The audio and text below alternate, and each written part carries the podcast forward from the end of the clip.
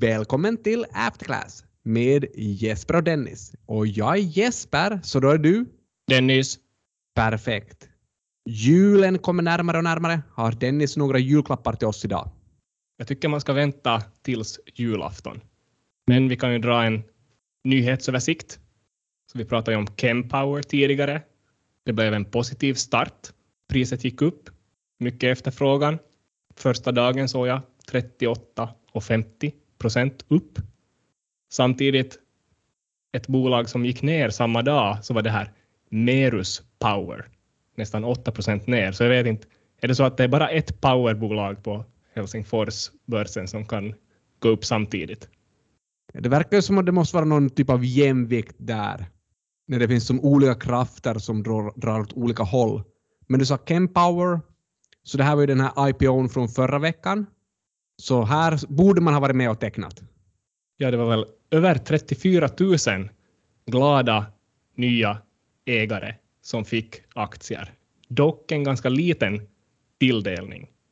Kan du? En liten, så hur liten? Jag noterar att av alla aktier som delades ut så får 1,14 miljoner till privatpersoner. Så det betyder då att om du gjorde en sån här minimiteckning på 100 aktier så fick man aktier för ungefär 70 euro, så ganska mycket mindre då. Gjorde man en lite tuffare 300 aktiers teckning fick man aktier för cirka 100 euro. Så egentligen inte så mycket av värde där. Så att 40 procent upp värmde inte så länge. Ja, så de riktiga vinnarna är alltså inte privatpersonerna. Någon som kanske kan ses som en vinnare här är ju förstås då nätmäklarna. För det är på så sätt att om man får aktier för 100 euro så det är kanske ingen aktiepost som man vill ha kvar utan man säljer ju den i så fall. Och då förtjänar de här nätmäklarna ett litet courtage på den här försäljningen. Så det är kanske de som vill att alla privatpersoner ska få några få aktier per knopp. Ja, så Nordnet till exempel gnuggar händerna. Är det någon annan som gnuggar händerna? Det är storfinansen då, för att 16,3 miljoner aktier for till institutionella investerare. Så det, det luktar dirty money där. Ja, det är ingenting fel med det där egentligen, men kanske är det någonting som FIVA borde ta och titta lite på hur de här nyemissionerna fördelas mellan just privatpersoner och då institutionella investerare eller storfinansen. Ja, det kunde vara en grej. FIVA betyder alltså Finanssivalvonta, Finansinspektionen. De skickade faktiskt eh, ett julinfobrev häromdagen. Önska god jul och, och allt möjligt sånt. Men de hade också en väldigt lång utläggning om kursmanipulation på sociala medier. Och det här är ju lite någonting som vi har pratat om också i något avsnitt. Jag minns att vi pratade om de här två svenska läkarstudenterna som blev dömda för kursmanipulation i aktier, där de i princip skrev positiva inlägg om vissa aktier som de just hade köpt för att sen sälja dem när de fick igång en viss kursrörelse tack vare att flera och flera började köpa de här aktierna. Ja, exakt. Och nu är liksom FIVA inne på det här lite igen, att de vill ha information om privatpersoner som håller på med lite sån här småskalig kursmanipulation. För att de säger att de får väldigt mycket förfrågningar. Vad ska man göra och hur ska man ta ställning till saker som skrivs på sociala medier och så vidare. Så det verkar som att deras fokus ligger på att sätta dit privatpersoner. Som har förtjänat någon hundralapp.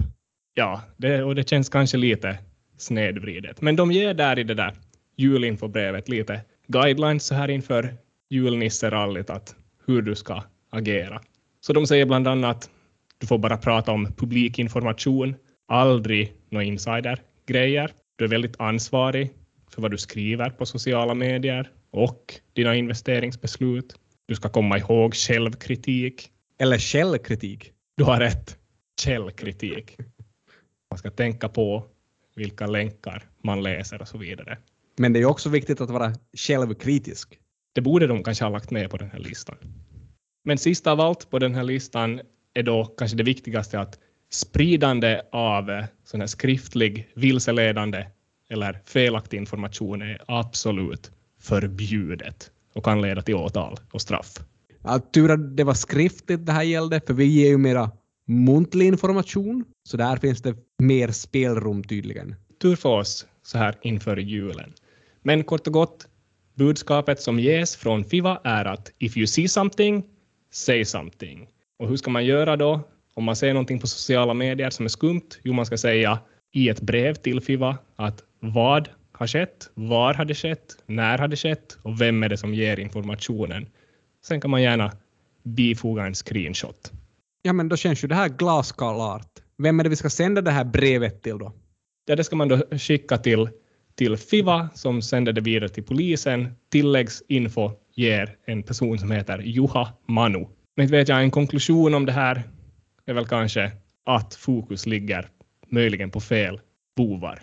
Och vem är det som är ytterst ansvarig då för att vi har börjat fokusera på små privatpersoner istället på, för på de här riktigt kanske större skurkarna? Ja, det måste väl vara ledningen för Finansinspektionen då.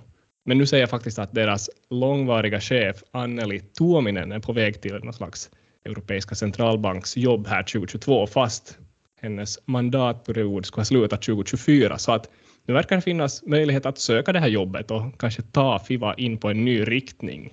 Kanske det skulle vara någonting för dig Jesper? Jag skulle kanske kunna axla den här Chuck Rhodes-rollen här i det här fallet. Alltså ta på dig ledeställe och hänga upp dig i någon krok.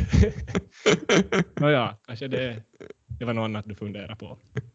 Ja, kanske inte på det sättet, men att man kanske skulle bli årets finländare om man skulle lyckas städa upp bland storfinansen.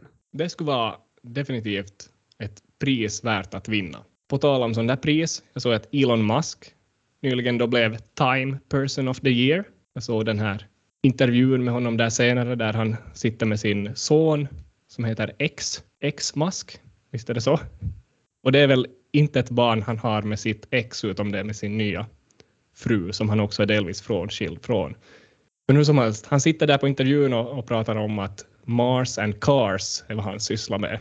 Ja, om man tänker på vad han har åstadkommit ändå under de här senaste åren så är han absolut värd att bli Time Person of the Year.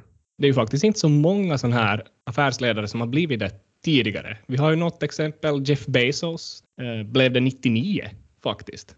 Och hur gick det för Jeff Bezos 2000 eller 2001? Om vi vill försöka tänka hur det kan gå för Elon Musk nu i framtiden. Ja, om man tänker på det här företaget som de är associerade med, så Amazon for väl 95 procent back i den här dotcom-bubblan som följde 99. Så jag vet inte om vi kan dra någon sån slutsats från den här historien också gällande Tesla då. Vi har ju ett litet problem här vi har ju bara ett stickprov på en observation. Så vi kanske inte ska dra för, för stora slutsatser. Nej, vi säger ingenting. Men om vi ändå ska säga någonting så är väl det det att prestationen tenderar ofta att gå tillbaka till sitt medeltal. De pratar om mean reversion. Så ofta, om man får något pris, får man det för en väldigt bra prestation. Och orsaken till att det går lite sämre efter att man har fått det här priset är kanske inte för att man har gjort någonting dåligt, utan bara för att man går tillbaka till sin normala prestation. Ja, visst finns det några exempel i den där Daniel Kahnemans bok Thinking Fast and Slow med de här israeliska stridspiloterna.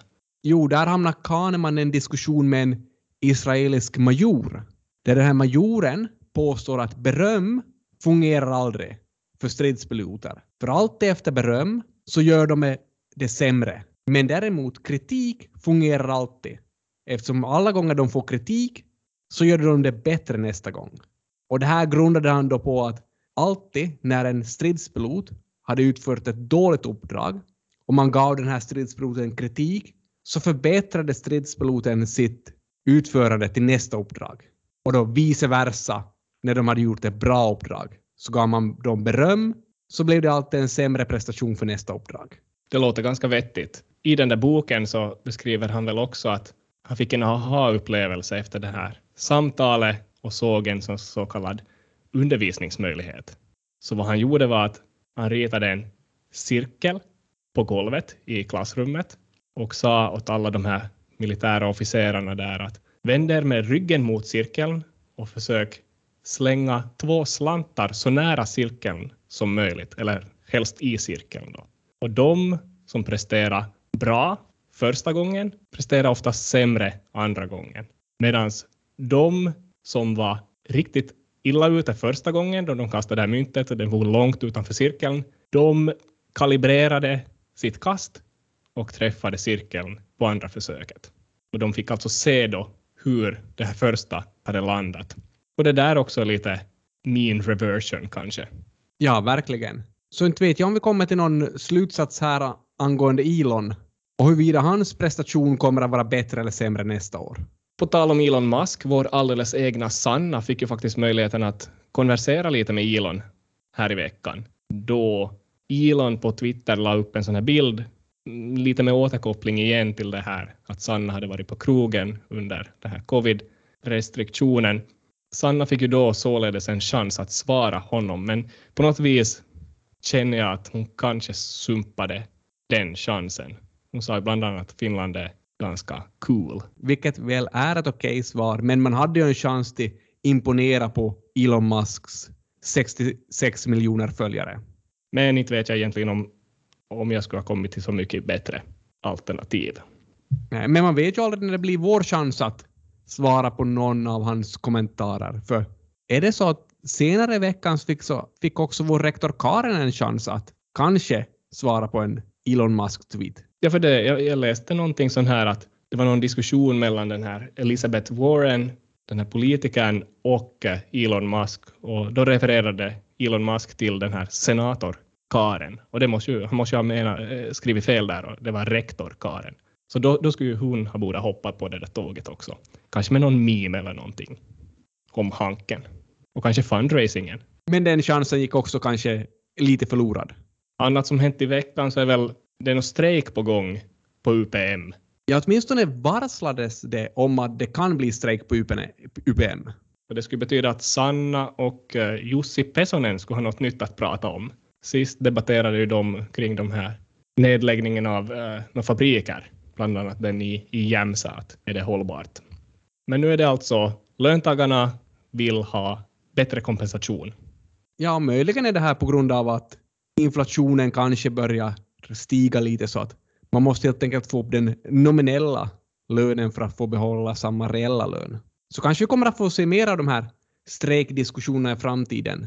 Jag tittade lite på UPMs siffror, så ungefär 16 procent av de här operativa kostnaderna är personalkostnader, eller var 2020, typ 1,2 miljarder. Har det varit lite allmänt känt att det är rätt höga löner i den här branschen? det har väl varit så historiskt att facket har haft en väldigt stark roll i de här branscherna. För man ska komma ihåg att UPM då till exempel förtjänar kanske en 3 miljoner ungefär per dag om man räknar från 2019 års vinst. Men att stänga ner de här, deras maskiner och starta upp de här maskinerna är väldigt dyrt. Så sådana saker har helt enkelt inte UPM riktigt råd med. Så det gör ju att facket har en väldigt stark roll om de kan hota UPM med en strejk. Då tenderar helt enkelt skogsbolagen att gå med på att höja lönerna. Ja, det är sådana där ställkostnader och sånt som beaktas som omkostnader i sådana där kostnadsberäkningsövningar. Visst är det så? Men, men, den här nyheten kom. Jag såg ingen desto större reaktion på aktiemarknaden dock. Frågan är ju om det här är en sån här icke-nyhet.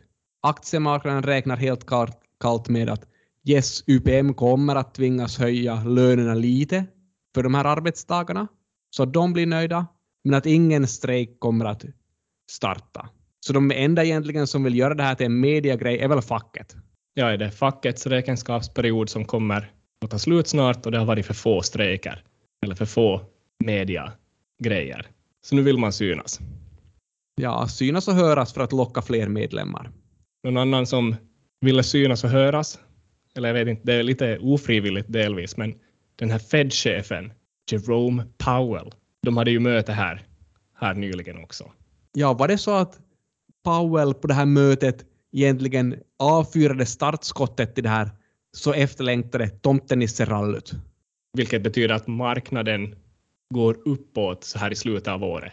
Men var egentligen det, det han sa på det där mötet riktigt i linje med, med en sån framtid? Ja, alltså jag har svårt att förstå mig på vad, hur man tolkade det här, vad han då sa på mötet. Det som kom fram är ungefär att inflationen är hög för tillfället, att Fed kommer att höja styrräntan, eller tror sig komma att höja, höja styrräntan flera gånger under 2022 och att man kommer att minska på de här stimulanserna.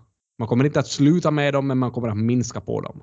Så högre räntor, mindre köp och positiv reaktion. Åtminstone före coronakrisen var det ju nästan alltid tvärtom. Att då var det negativ reaktion på sådana här uttalanden från Fed-chefen.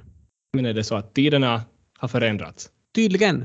Men det är ju lite så här att sometimes better is worse, men other times worse is better. And in this case, less was more. Så inte vet vi riktigt. Vi är väl ganska förvirrade kring det här. Ja, alltså det låter onekligen rörigt det där.